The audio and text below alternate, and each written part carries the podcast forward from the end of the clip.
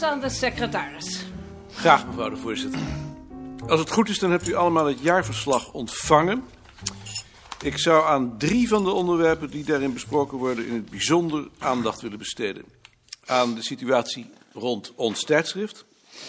aan het rapport voor de wetenschappelijke commissie... dat Appel, Buitenrust Hettema, Van der Land en ik deze zomer hebben opgesteld. Al is er van ons aandeel erin niet zoveel terug te vinden.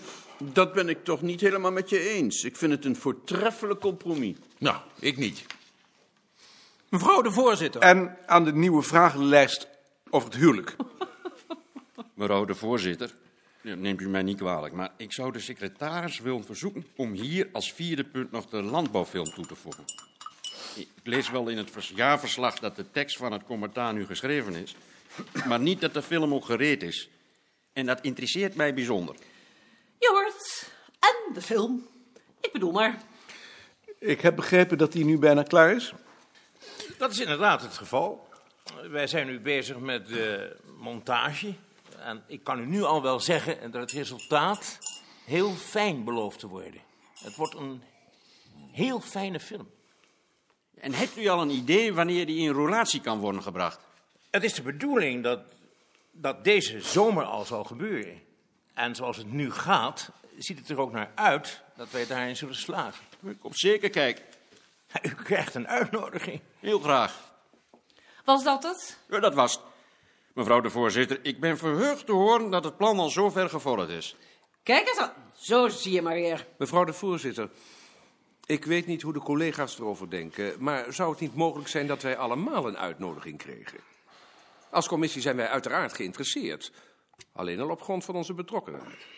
Meneer Vesterjeuring, Dat zal ik uiteraard heel graag doen. dat is dan afgesproken. Secretaris. In de eerste plaats dus ons tijdschrift. Er zijn het afgelopen jaar wat oneenigheden geweest over de bevoegdheden van de Nederlandse redacteuren. Die zijn in de redactieraad in december uitvoerig besproken. Het resultaat is dat wij voortaan beslissen over de artikelen van Nederlandse auteurs en dat de redactie voorafgaand aan ieder nummer de volledige kopij zal bespreken. Zolang als het duurt. Zolang als het duurt. Ik heb daar toch wel vertrouwen in, mevrouw de voorzitter. Ik was ook verrast, maar ik had de stellige indruk dat het Pieters ditmaal ernst is. Ja, je bent altijd goed van vertrouwen. Inderdaad, Tot Pieters weer van mening verandert. dat kan natuurlijk altijd. Ik wil maar zeggen. Bovendien heeft hij beloofd dat hij het verenigingsnieuws en de ledenlijst van de Vereniging voor Vlaamse Volkscultuur, waarvan hij voorzitter is, voortaan niet meer in het tijdschrift zal afdrukken, maar losbladig zal toevoegen. Wij hadden daar bezwaar tegen. Het werd zo wel helemaal een clubblaadje. Daarom.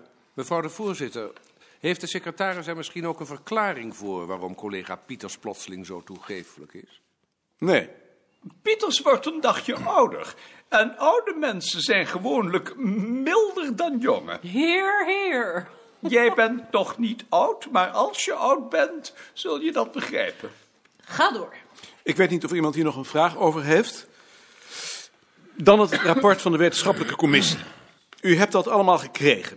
Op de inhoud hoef ik niet meer in te gaan. Intussen zijn op grond van dit en van de andere rapporten een aantal voorstellen gedaan voor een reorganisatie van de wetenschap.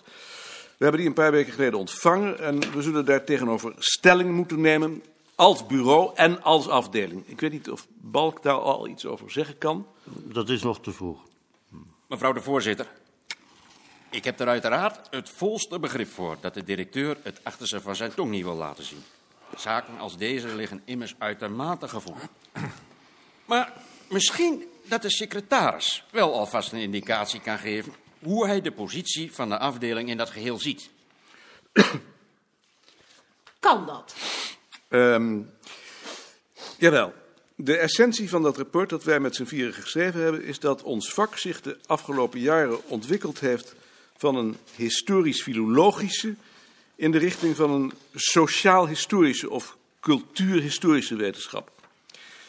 We hebben heel lang gewerkt met de veronderstelling dat de tradities in onze cultuur de herinnering bewaren aan vroegere culturen. En dat ze dus gebruikt kunnen worden als historische bron. De atlas is op die veronderstelling gebaseerd. Maar zo werkt het niet. Tradities veranderen. Iedere generatie maakt haar eigen keuze, verandert de accenten, voegt nieuwe elementen toe. Toen men dat doorkreeg, verschoof de belangstelling naar de traditie zelf. Op twee manieren. Je kunt de geschiedenis van een traditie volgen. Dan heb je historische gegevens nodig en historische technieken. Je kunt ook kijken hoe een traditie in de huidige cultuur functioneert. Dan heb je sociale en economische gegevens nodig. En dan werk je met technieken uit de sociale wetenschappen. Als meneer Goslinga vraagt hoe ik de positie van de afdeling zie, dan is het antwoord tussen de geschiedwetenschap en de sociale wetenschap. Nou, daar valt wel wat op te zeggen.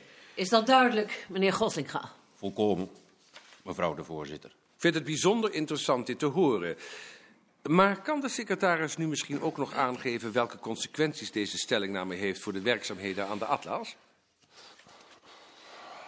Heeft dat nog consequenties? Ik bedoel maar. Dat we nu consequent zoeken naar historische bronnen om het kaartbeeld te verklaren. En dat we nu ook aandacht zijn gaan besteden aan het functioneren van tradities. Voor onze laatste vragenlijst over het huwelijk vragen we wel bewust naar de sociale situatie. En we zijn bovendien afgestapt van de idee dat alle mensen in een dorp dezelfde tradities hebben. Mevrouw de voorzitter, dat betekent toch hoop ik niet dat de secretaris zijn onderzoek naar de dorsvlegel en de zeis heeft opgegeven. Dat huwelijk doet Muller. In de tijd heeft hij ook al het vrije voor zijn rekening genomen. Nou, dat stelt ons dan echt gerust. Ja, ik, ik formuleer ongelukkig. Enzovoort, enzovoort. Mevrouw de voorzitter, in de tijd heb ik er alles op aangedrongen dat de secretaris een beleidstuk zou produceren over de ontwikkeling van het vak. Nu ik dit hoor, vraag ik mij af of het geen goed idee zou zijn om een symposium over het huwelijk te organiseren, waarop de verschillen in benadering door de geschiedwetenschap, de sociale wetenschappen en ons vak ter discussie worden gesteld. Een voortreffelijk idee. Ik sluit me hier graag bij aan. Het zou daarom ook van belang zijn, mevrouw de voorzitter, omdat wij bij de reorganisatie van de wetenschap die thans voor de deur staat, waar wij maar kunnen, onze stem moeten laten horen. Wilden wij niet tussen de wal en het schip terechtkomen. Wat denk je ervan? Dat betekent dat ik het onderzoek waar ik mee bezig ben moet laten liggen. Je zou de lezing door Muller kunnen laten houden. Dan neem je zelf alleen aan de discussie deel. Het gaat erom wat prioriteit heeft. Op dit ogenblik is het van belang dat wij ons in de discussie mengen. En als zo'n symposium over het huwelijk gaat, moeten we toch eerst antwoorden op de vragenlijst binnen hebben. Dat duurt zeker een jaar. Nou, houd je hem volgend jaar.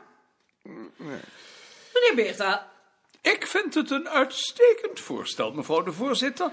En ik ben ervan overtuigd dat de s- secretaris het voortreffelijk zal doen.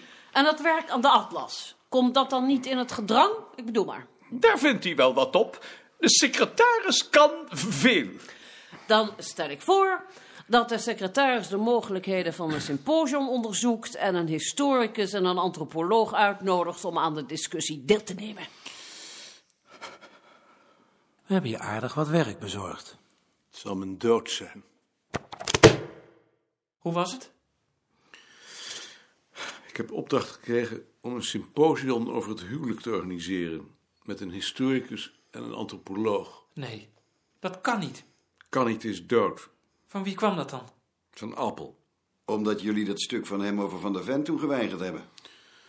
Het is mogelijk dat dat een rol heeft gespeeld, maar hij heeft ook al eerder zoiets geprobeerd. En de anderen? Die vlogen erop af als wilde beesten. En meneer Beerta? Ik vond het een uitstekend voorstel. Als jullie het over het voorstel van Appel hebben, tenminste. Maar u weet toch hoe druk Maarten het al heeft? Dat weet ik. Maar dat kan nooit een argument zijn om een goed v- voorstel te verwerpen. En nu? Ik kan er nu nog niet over denken. Morgen. Tot morgen dan maar. Ik vind toch echt dat je het niet moet doen. Dag Bart. Nou, dan ook maar tot morgen. Als ik er nog ben. Je had toch de mensen kunnen voorstellen om mij te laten beslissen, omdat ik het beleid uitvoer. Het was echt voor je best wil, jongen. Slaap er nu maar eerst eens een nachtje over, dan zul je zien dat je het best kan. Daar gaat het niet om. Waar gaat het dan wel om? Dat jullie mij dwingen om mee te doen aan dit soort dikdoenerij. Ik vind het geen dikdoenerij. Ik wel. Je denkt toch niet dat ik iets voor die heren doe, hè? Ik denk er niet over om op te draaien voor een motie van wantrouwen tegen jou. Want reken maar dat hier meer achter zit. Ze hebben je willen pakken. Ze hebben me niet willen pakken. En waarom had je dan de indruk dat ze er als wilde beest op afvlogen? Omdat ze bloed roken. Niet omdat ze de pest aan me hebben. Nou, en? Ik ben ervan overtuigd dat er gecomploteerd is. Als er gecomploteerd was, had ik dat gemerkt. En waarom hebben ze dan niet naar jou geluisterd als je daar zo zeker van bent? Of heb je je helemaal niet verdedigd soms? Tuurlijk heb ik me verdedigd. Mijn argumenten maakten alleen geen indruk. En mijn indruk is dat het je wel goed uitkwam dat het over het huwelijk ging. Omdat je dan mij ervoor kunt laten opdraaien. Ik houd die lezing. Het is toch mijn onderzoek? Maar ik ben verantwoordelijk. En het spreekt vanzelf dat ik het beleid verdedig en niet jij. je laat mij het werk doen. Dag Maarten. Dag Ad. Ik doe het werk. Kun jij om half tien vergaderen? Ik wil verslag uitbrengen van de commissievergadering. Ja hoor. En bovendien lijkt die huwelijkslijst me niet geschikt. Waarom niet? Ik heb het gevoel dat we daarmee de mist ingaan. Nee, zien, ik behoor nog tot de generatie die geleerd heeft dat men een dame voor moet laten gaan. Nou, als het dan moet. Sien, kun jij om half tien vergaderen? Wou je vergaderen? Ik wil vertellen hoe het gisteren gegaan is. Ik ben reuze benieuwd. Is dat nou wel verstandig om die dames er ook bij te vragen? Waarom niet? Omdat jij wel eens de neiging hebt om te dramatiseren. Ja. En ik ben bang dat de dames de objectiviteit missen om zich daartegenover een zelfstandig oordeel te vormen. Ze zullen toch moeten weten wat ons boven het hoofd hangt. Maar dat betekent nog niet dat ze ook overal bij moeten zijn. Ik heb wel eens de indruk dat jij bang bent dat je niet democratisch bent als je niet aan iedereen alles vertelt. Maar dat heeft met democratie heus Ik niets te ben maken. geen democraat, ik ben een aristocraat. Waarom is de huwelijkslijst niet geschikt? Dat is toch juist de nieuwe richting? Omdat de antropologen dat honderdmaal beter doen. Die gaan een jaar in een dorp zitten en noteren tientallen van zulke verhalen en dan ook nog mondeling. Dan is het dus zinloos wat we doen. Alles wat we doen is zinloos. Zal ik Jaring erbij vragen? Die was er gisteren bij. Die kan me corrigeren. Heb je tegen mij?